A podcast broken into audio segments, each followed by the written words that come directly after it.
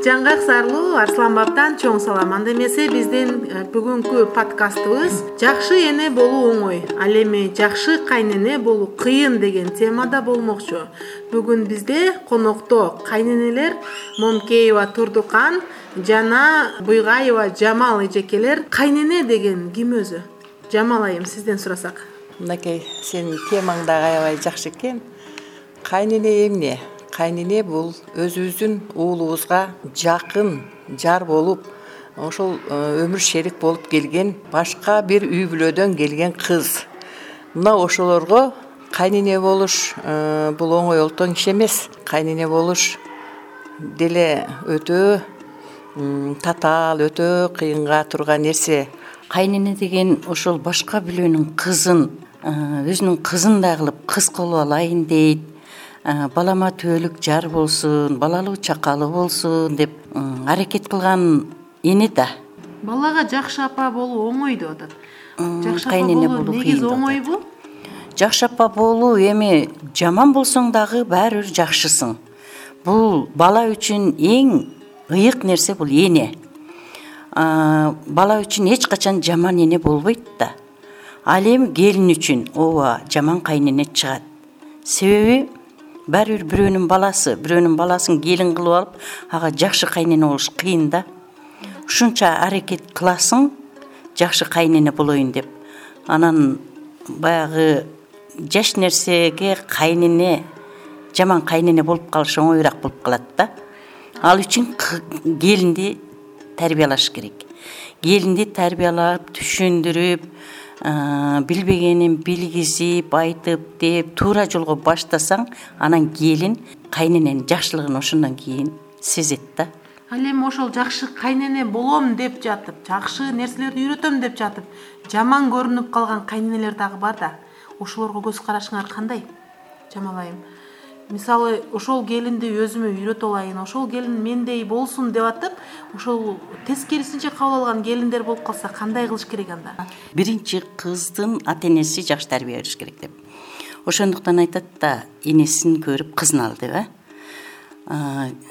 Мен мисалы жаш маалымда эле апам айтчу да турмушка чыгып калганда себеби жеңемен деле көп тарбиялат элем да жеңем бир немесин билип калсам апам мейли унчукпа жоңгой дейт эле анан сен дагы бирөөгө бүлө болосуң ошондуктан бир жерге барганыңда эч каяша сүйлөбөгүн билбегендериңи кайненең үйрөтөт ошого көңүл бургун анан үйгө эч нерсе ташыбагын кызым дейт эле эң негизгиси ошол дейт эле эгер үйгө бир нерсени ташып келсең кайненем минтти кайынатам мантти кайнсиңди минтти деп келгидей болсоң биз дагы ата энебиз да эне чыдабайт. Мен да кайненеңе айтам ошентип отуруп ортодо чыр чатак чыгып анан сага кайненең жаман мамиле жасай баштайт дагы ошону менен сенин кайненең жаманаттуу болот дагы биякта биз дагы жаманаттуу болуп калабыз кызым. Ошондуктан эч качан ушакташпа дейт эле да. Анан чындыгында ошентип жүрүп мен келин болдум келин болуп келгенимде кайненем аябай кыйын катын экен да.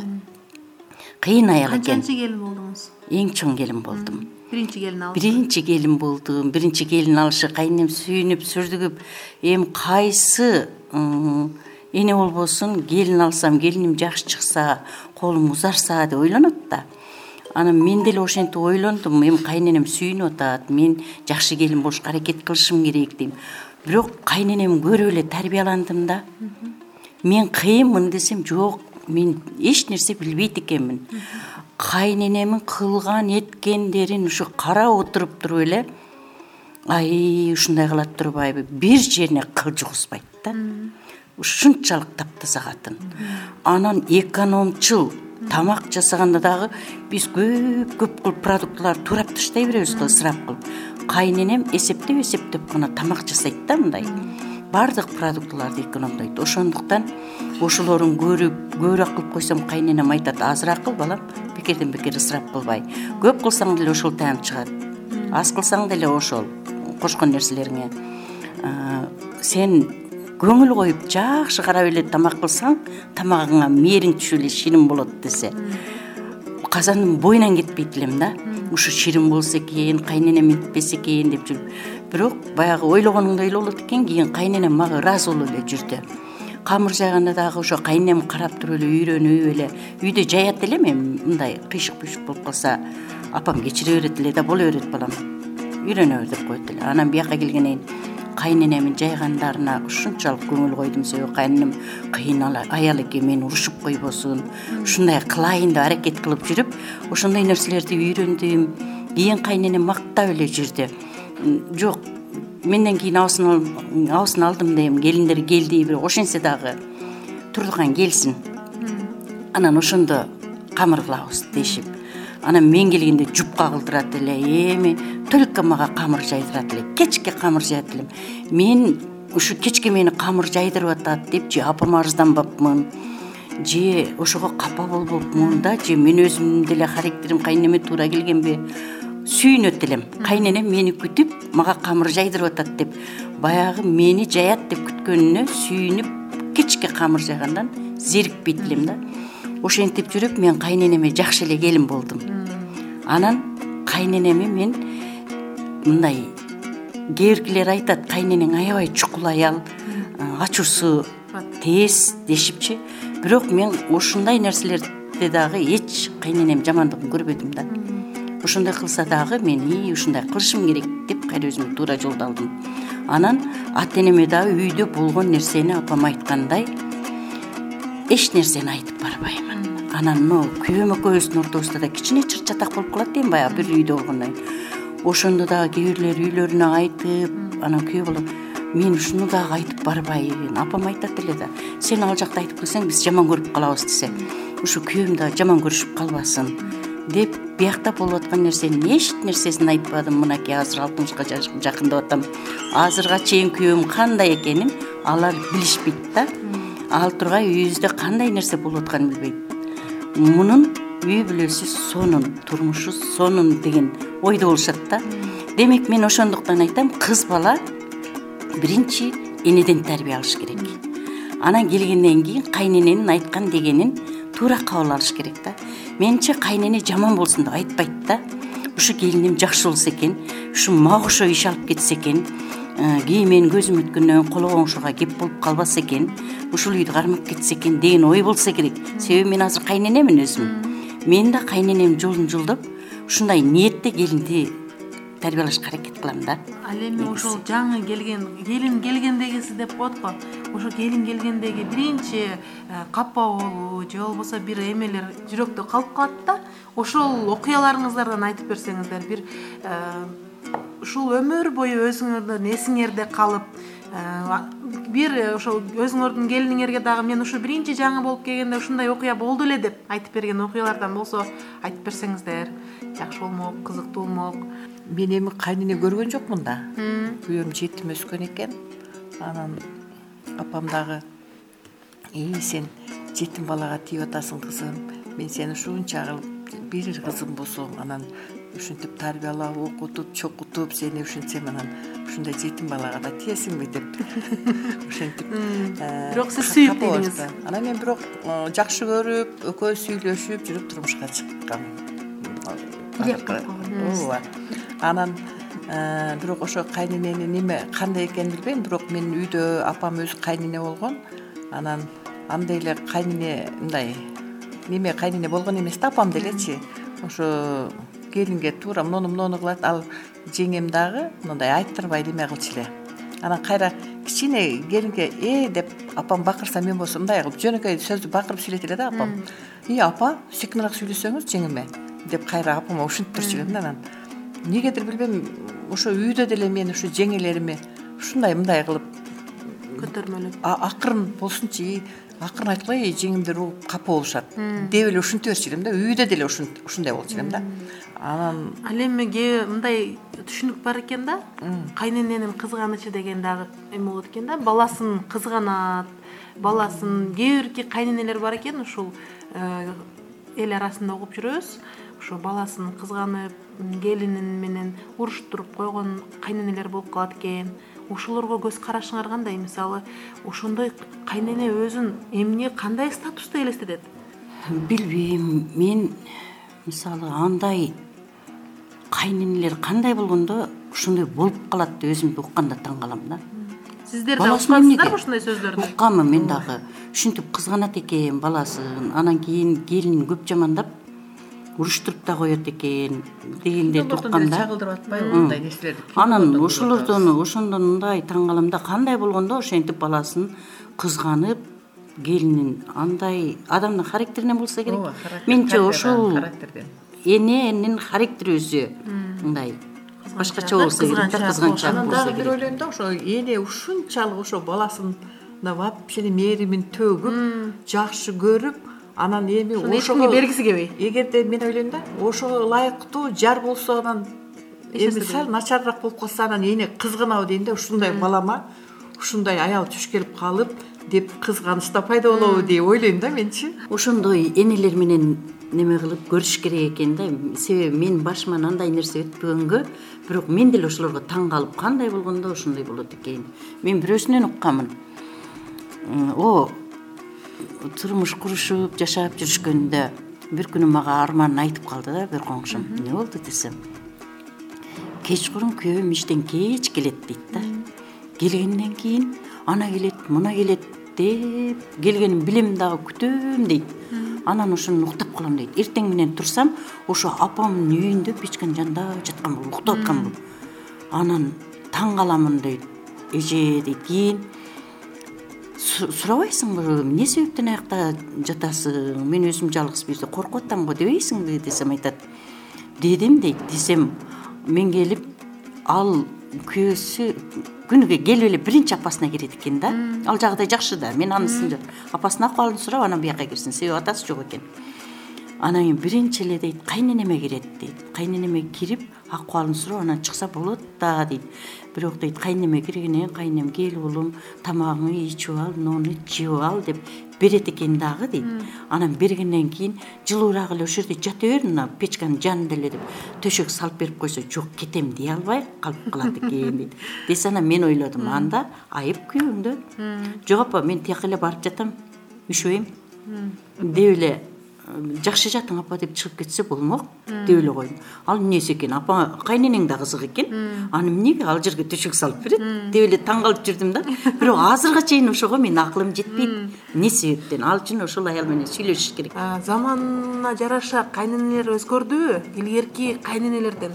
Же ошол эле кайнене ошол элеби же бир э, замандын өзгөрүшү менен э, мамиле дагы өзгөрдүбү кайнене менен келиндин ортосунда азыр сөзсүз э, коомго карап айлана чөйрөңө карап өзгөрүү болот да. Өзгөрүлбөй эле калды. Себеби азыркы кайненелер современный кайненелер илгеркидей келиндерди э, ушул жерден чыкпайсың муну кыласың аны кыласың демейлер жок азыр. Э, кайнененин сызыгынан чыкпай илгери жүрчү элек. А жок азыр кайнененин сызыгынан чыгып кетет деп го айтпаймын. Кайненелер азыр келинге карап мамиле кылып калган заман. Келиним капа болбосун келиним мейли тең туштарынан калбасын барса барсын заман азыр ошондой айлана чөйрө ушундай болуп аткандан кийин күйөөсү менен бирге барып келсин ойноп келишсин деп анан кийин мейли эл кийгенден кийин ушундай кийинип жүрсүн элден калбасын деп азыркы кайненелер ушундай аракет кылат да себеби мурункулар андай кылбас кылбайт эле десем деле болот андай кылышпайт эле? Себеби заманга жараша кайненелердин мамилеси деле баардык нерсеси өзгөрүп турат да. Эми заманга жараша деп туруп биз ушул кайненелерди кайрадан э, мисалы баарыбыздын эле энелерибиз бар апаларыбыз бар анан ошол апаларыбызды бара бара келиндер тугутпой калат деген коркунуч сезим дагы кээде болуп кетет да. Ушул келиндерге ушинтип э, боштондук берип э, каалаганын кыла бер деп койсок кийин алар кайнене катары дагы көрбөй калабы. Э, мисалы кайнене мурда кайненең келе атат дегенде келиндер селттей түшчү да. Азыр кайненең келе атат десе «Э, келе атабы экен деп койгон келиндер дагы бар да. Ошого кандай дейсиздер? Эми заманга жараша деп ушинтип бара берсек бара берсек кийин кандай болот биздин? Кайненелерибиз кандай акыбалда калат? Биз күйөөсүн айтабыз. Жакшынакай кылып тарбияла. Башынан мындай кыл мындай кыл деп андай кыл деп бүт э, тарбияны эми балага деле берип бүткөнбүз. Эми көбүнчө ошондой баш бербеген немелер да болот келиндер да болот. Ошентип барган сайын мынтип көкүлөтө берсек кээде немеге чыккан келиндер да бар. Ага ошол күйөөсү гана буга туура немени берет да жолду берет. Анткени азыр эми азыркы келиндер ушул күйөөсү менен жашайт да кийин дагы. Анан ошонун айтканын айткан дегенин дегендей кылып жашаш керек да. Күйөө буга ошо күйөөсү өзү акылдуу болуш керек да. Акылдуу болуп демек эне уулду тарбиялаш керек уулду кандай деп ойлойсуздар уулду аялга карата мамилени тарбиялоодо ушул ушул проблемага көбүрөөк көбүрөөк мындай басым жасоо керекпи? Мисалы уулу уулуна аял алгандан кийин кандай мамиле кылуу керегин? Ошону туура тарбия бериш керек да эне. Аял алгандан кийин кандай болуш керек эркек анан биз алиги турмушта болуп аткан иштердин баарын айтабыз да. Биз азыр колубуздан эч нерсе келбейт деп атабыз бирок илгери кайненелер келин урган учур дагы кездешчү да. Болчу экен. Э? Менин тааныштарымнан эле бирөөсү келинин кадимкидей эле өзүнүн кызындай кылып урчу экен да. Анан урса ал деген э, туура кабыл алып менин апам болгондо деле мени урмак деп кабыл алчу экен да илгери.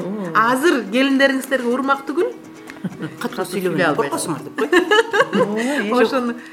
эми айтып атабыз го азыр мындай шартка жараша коомго жараша тарбияланат экенбиз деп анан жашабайт. Себеби азыр эркиндик тең укук. Кыздар кааласа эгер ошончолукка барып калса андан көрөөктүү мен өзүм тирилик кылганым жакшы деп көбү россияга кетип калат көбү башка тирилик кылганым жакшы деп кетип калгандар көп да. Анан кой ушул бала чакасы менен жакшы жашасын балдары жетим болбосун деп кайнене бечаралар канча аракет кылып азыркы жаштардын мындай тарбиясына неме кылабыз? Анан тигил жактан ата энеси бул жактан кайнене кайната кой балам жакшынакай жашагыла ынтымакта болгула балдар ортодо жетим болбосун деп жүрүп аларды ийге келтирип анан түшүндүрөбүз да. Анан эми баланы чындыгында биз ошого чейин эле тарбиялап коебуз. Эгер кайненеден өтүп калса келинден өтүп калса ортодо бир нерсе чыгып калса аны бала туура жолго салып коюш керек да. Апасына жакшынакай кылып мамиле кылып айтып түшүндүрүп коюш керек дагы келинге дагы жакшынакай сен апама минтипсиң же болбосо сен келиниңизге минтипсиз десе анда ортодо чыр чатак күйүп кетет да. Ошондуктан баланы туура тарбиялаш керек. Туура жолго анан бала апасына дагы келинге да жакшы сүйлөп отуруп туруп экөөнүн кайра ынтымакташтырып туура жолго салып коюш керек. Келин да ойлоп калат э демек мен мындай кылышым керек күйөөм айт көбүнчө аларга күйөөнүкү закон да. Азыркы заманда күйөөнүкү закон. Ал эми кайнене кызындай кылып тарбиялашка аракет кылыш керек. Эне тарап болуп коюп аялды сен токто. Сен келинсиң. Бул энем. Менин апам. Буга кайша сүйлөбөй деп айтышка акысы бар. Анан дегенден кийин келин баары бир токтойт эми күйөөсү токтоду. Анан келинди өзүнчө жекече өзүнчө алып келип жакшынакай кылып аны уруп сокпой эле. Бул менин апам. Сен апамы сыйласаң бул менин сыйлаганың эгер апамы сыйлабасаң анда мени да сыйлабайсың. Анда биздин турмушубуз жаман болуп калышы мүмкүн. Эң биринчи сен апамы атамы сыйла. Анан мени сыйлайсың десе анан келин туура ойлонуп калат. «Э, демек мен апасы менен атасына жакшы мамиле кылышым керек экен. Болбосо күйөөм менен неме болуп калат экен? Күйөөм ата энесин жакшы көрөт турбайбы деп. Сөзсүз аялынан ата энесин мындай улугураак коюп коюш керек да. Деп ойлойм. Кайната дайыма ошо келин тарапка аракет кылат да болушканычы. Эмне себептен? Же жубайынын неме кулк мүнөзүн билгендиктен ошол экөөнүн урушпай калсын деп ооба. мен мен ойлоймун да. Кайната менен кайнене экөө тең бир тарап болуп алып келинди жамандап же келинди урушуп койсо анда келиндин көңүлү өтө эле болуп калат да. Ошондуктан кайнене деген эми баягы келинге тарбия бере турган адам. Кайнене менен келиндин ортосунда кичине бир нерселер болушу мүмкүн. Себеби кайнене билбегенин билгизет да. Ошону туура кабыл алган келин туура кабыл алып калат. Туура кабыл албаган келин мындай капа болуп калат. Ошол мезгилде кайната кичине келин тарап болуп койгону эң туура деп ойлойм да. Себеби кайнатам мен тарап болуп койду деп келин сүйүнүп калат да. Келиндин көңүлү көтөрүлүп калат дагы баягы ортодогу чыр мындай токтогонго болот ынтымак калып калат да ошол боюнча. Эгер экөө тең бир тарап болуп урушуп койгудай болсо анда ортодо бири бирине көңүл калуучулуктар көп болуп калат. Мен ойлоймун кайнене кичине келинди тарбиялап аткан маалда кайната кичине болушуп койсо ал деле туура.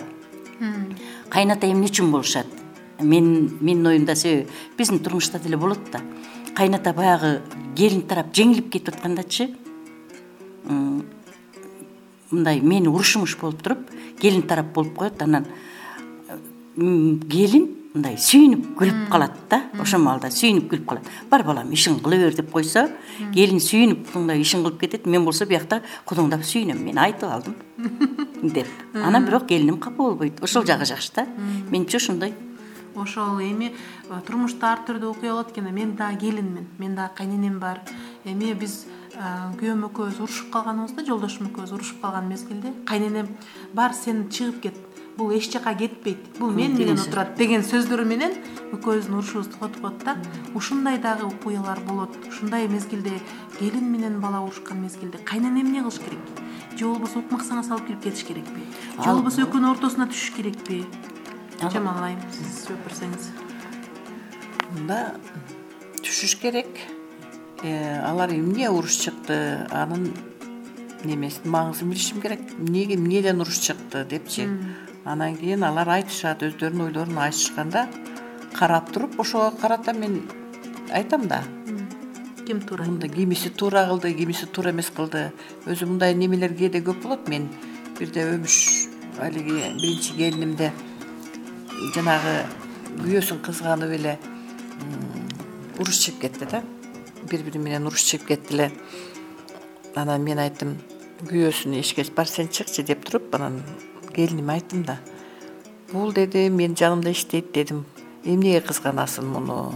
Эртеден кечке клиенттери кирип чыгып турат. Анан кийин ал жерде кандай? Эми клиенттерде ар түрдүү адамдар келет. Сен эми ушунга клиенттер менен иштейт дегенде өзүң билимдүү адам болсоң анан мындай кылып жөндөн жөн уруш чыгарган болбойт да кызым. Э, аны түшүнүшүң керек да анын ишин. Өзүң мен ошол жерде канча аерде көздөр карап турат. Анан эле кантип эле ошентип кетсин аяка. Аны сен туура түшүнгүн анан жөндөн жөн эле ушундай уруш баштасаң башталып кете берет деп түшүндүргөм да. Түшүндүрсөм анан келиним ыйлап отуруп укту да. Анан айтты сиз дайыма эле уулуңузга болушо бересиз дейт. Уулуңуз тарапты туура дейсиз дейт. Анан мен туура десе туура болом дедим. Эгерде ал туура эмес болсо туура эмес деп айтам. Ал туура эле мен өзүм көрүп жүрөм көрүп билип атам. Ой сеники туура эмес болуп атпайбы? Үйдө отуруп алып эле аны кызганып эле анан эзе берсең болбойт да мындай. Анда турмуш да болбойт мындай деп анан айтып кээде ыйлаган да бир жолу ыйлап анан индеген жок элем. Кийин бирок азыр айтат апа жиндик эмин сиз туура айткан экенсиз мен ушундай болуп жүрүпмүн деп эми эстерине киришип кайра мага рахмат айтып неме кылышат? Өздөрүнчөчү анан эми ошо неме кылганда экөө урушканда сөзсүз э, эмне уруш чыгарганын жаңжалды билип анан ошого карата кичине насаат бериш керек да. Эмнеден уруш чыкты? Анан мен и мен баламдыкы туура деп эле менен кыйкыра берген болбойт. Анан кийин ошону караш керек да эми ошол ситуация эмнеден болуп кетти? Эмнеден чыкты? Сиздечи турдукан айым сизде кандай ошо эки жакты таразалап билиш керек да эми. Э, мен өзүм эле турмушуман айтайын. Э, азыр э, жамал айым айткандай мен келин болуп келгенден кийин мен эмес тескерисинче күйөөм кызганчак эле да анан жолдошум жанагындай э, достору менен аяштары менен отурганда жүр дейт эле барат элем баргандан кийин эми ал жерде сүйлөйт да. Сүйлөсө мен жооп кайтарсам деле э, баягы ичкенден кийинби кел айтканда жаңжал кыла берет эле да. Сен мындай десең мындай дедиң а мен өзүм оюмдагыны айттым десем сен андай андай дебешиң керек эле мындай дешиң керек эле. Анда эмесе барбайм мындай. Кийинкиде дагы бас дейт эле. Баргандан кийин дагы деле ушундай бир сен муну менен бийге түштүң же бир нерсе кылдың деп эле. Келип кайра жаңжал чыгара берет эле да анан. Ыйлайт элем ыйлап кайненеме айтат элем анан ушинте берет деп. Десем анан кайненем мага бурушат эле дагы күйөөм урушат эле да. Урушканда анан кийин эмесе сен бар чыгып кет. Келиним мени менен жашайт. Коюп кой турдуканды үйдө жашайт ушул жерде. Бар каалаганыңды кыл костюмуңду алып ал дагы кааласаң үйлөн кааласаң иште жүрө бер келбей эле кой үйгө. Мага жагат мени менен жашайт. Сага жакпадыбы бар кете бер дейт эле да. Дегенден кийин басып кетет эле дагы анан кечке маал келип алып айтат эле эй ушунчалык сени апам жакшы көрөт да мен ыраазы болуп кетем деп көрсө эне келинге болушуп койсо келин тарап болуп койсо баланын аялына болгон мээри кайра неме болот экен деп ошондо ойлогом да. Ошо кайненем ошентип урушкандан кийин күйөөм мага кайра неме кылып калат эле сен жакшы адам экенсиң. Ушу менин апам сага ыраазы болуп сени алып калам дейт тууба сени ушунчалык жакшы көрөбү деп эле анан кайра мага илинип калып ошентип жүрүп эле мамилебиз жакшы болуп кетет эле да. Анан ошондуктан мен айтып атам го ошо кайненемен кандай тарбия алсам азыр келинди ошентип тарбиялаймын деп. Азыр балам менен келиндин ортосунда кичине неме болуп калса мен сөзсүз келин тарап болом. Келин тарап болуп балам урушуп коемун дагы а балам чыгып кеткенден кийин келиндин айыбын өзүнө айтамын эй мен азыр сен тарап болуп койдум. Бирок чын чынына келгенде айып сенде турат а сенде деп койсом анда балам сени уруп да коюшу мүмкүн. Мен ошондуктан сени коргодум. Муну да билип койгун а? Деп ошентсем апа рахмат чындап эле мен туура эмес кылып коюпмун деп өзүнүн айыбын сезип калат да. Анан мен ошондуктан айтам бул баягы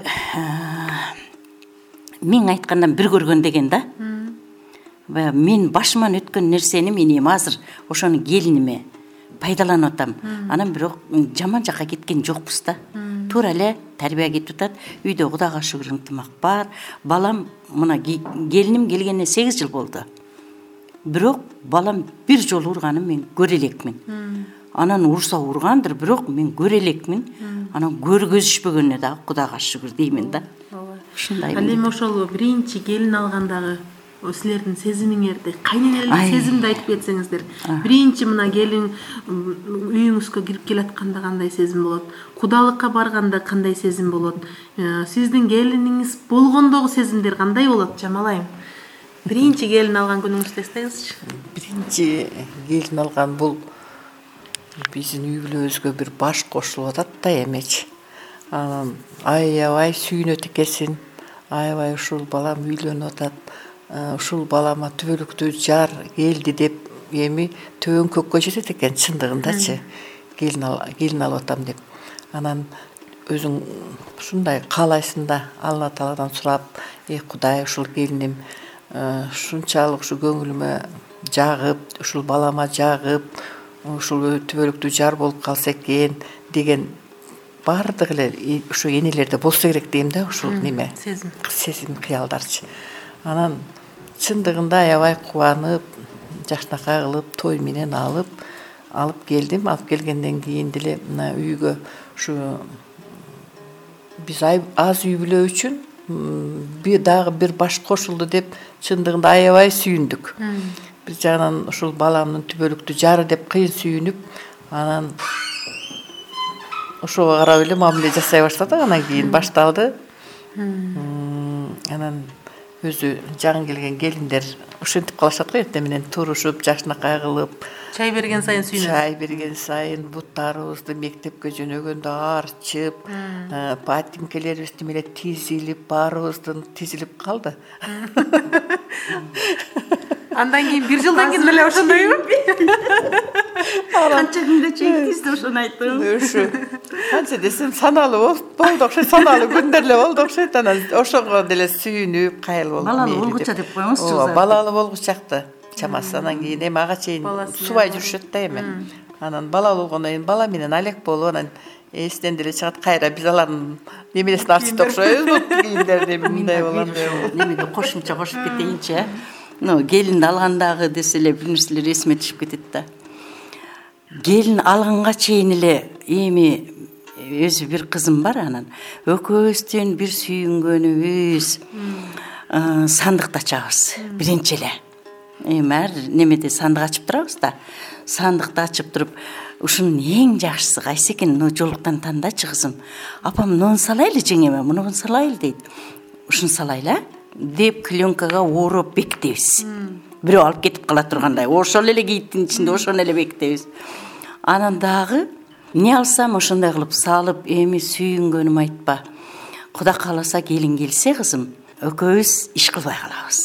Баардыгын келинге өткөрүп беребиз. Апа иштердин баардыгын жеңем кылабы анан? Ооба сен кутуласың. Үйдөгү иштин баардыгын жеңең кылат.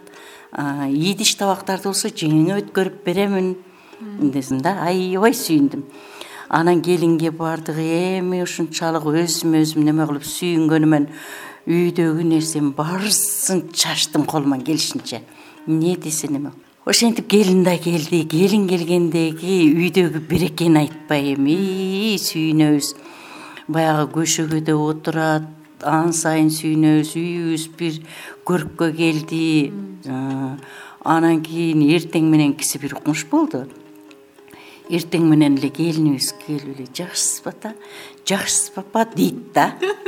Десе бир уялабыз. Анан жакшы деп коебуз. Эшикке кокустан келиним наркы үйдөн чыгып биз жака келатканда чыгып кетип атсам жакшы жатып турдуңузбу апа дейт анан десе жакшы деп коем.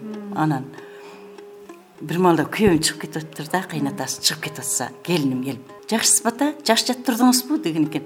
Мен эмне дешимди билбей калдым дейт э кыз. Келиним чыгып эле. Жакшысызбы ата жакшы жатып турдуңузбу дейт эмне дешимди билбей жакшы жакшы деп башымды неме кылып коюп эле чыгып кетем деп жүрдү. Десе анан мен айтамын эй о үйүндө тайнеси бар апасы бар эртең менен кайнатаң менен кайненеңдин акыбалын ушинтип сура деген да. Эми ал жаманбы эми көнүшүбүз керек десем таза мындай өөнү чурап атат деди. Чыгып эле жакшысызбы ата десе жакшысызбы апа десе бир жактан келгенсип деп эле ошентип өңгөрүп жүрдүк. Кийин кийин үйрөнүп калдык. Анан азыр жамал эже айткандай ал узакка созулбады бирок мындай балалуу болгонго чейин айтты элестете албайм го. Аралашып эле өзүбүздүн немеге түшүп кетти ушуну менен неме болуп калдык. Бирок келин келгендегиси эстен чыкпайт экен да. Ошо жакшысызбы ата деп сурагандары үйүбүзгө береке кирип чай ичкенде ушу чойкой эле даяр болуп эле баары жок даяр болуп астыңа келип эле колу бутуң узарып эле ошонусу аябай жакшы экен. Келиндин келгендегиси аябай жакшы болот экен. Анан кийин балалуу чакалуу болгондо тең жүгүрүп калат экенсиң анан анан эми азыр биз теңме тең бала карашабыз. Теңме тең казан карашабыз.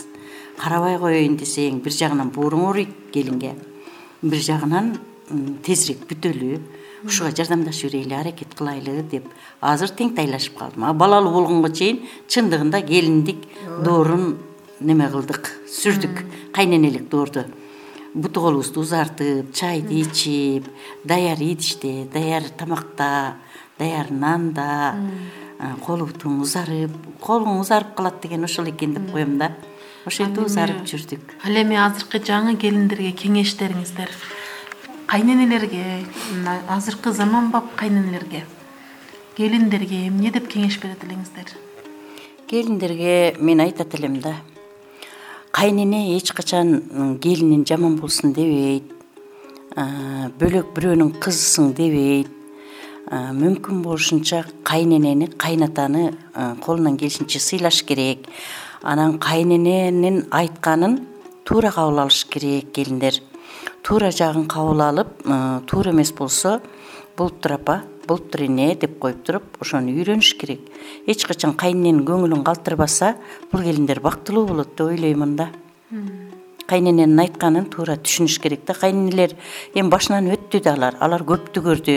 Ошондуктан алар жаман нерсени айтпайт да. Таза болсун жакшы болсун муну кылып үйрөнсүн эртеңки күндө өзү кыйналбасын менин балам кыйналып калбасын ушул балама жакшы жар болуп берсин э, баламдын жүзүн жарык кылсын деп ойлонот да кайненелер. Ошондуктан келин ошону туура кабыл алыш керек урматтуу кыздарым келиндерим кайнененин айтканын өңгөрбөгүлө кайнене деле өзүңөрдүн энеңер кайненеңердин айткандарын туура кабыл алып ошону үйрөнгүлө ошону үйрөнсөңөр силер кем болбойсуңар үйрөнгөнүңөр өзүңөр үчүн деп айтар элем.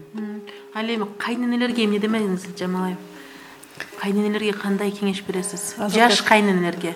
Азыр мына жаш эле туруп кайнене болуп калган энелер бар. Ушуларга эмне деп насаат бермекчисиз? Эми эмне деймин? Аларга деле насаатым э, бул башка бирөөнүн баласы өзүң сенин үйүңө келип ошо уулуңа жар болуп отургандан кийин сен өзүң ошону жакшынакай кылып тарбиялап алышың керек да. Э, билбегенин үйрөтүшүң керек кайсыны туура эмес кылып атса акырын айтып анан кийин кээ бир э, кайненелер болот эми мен кайнене болдум деп эле шаңыраңдап аңыраңдап кетишкен кайненелер да бар. Андай болбош керек андай туура эмес.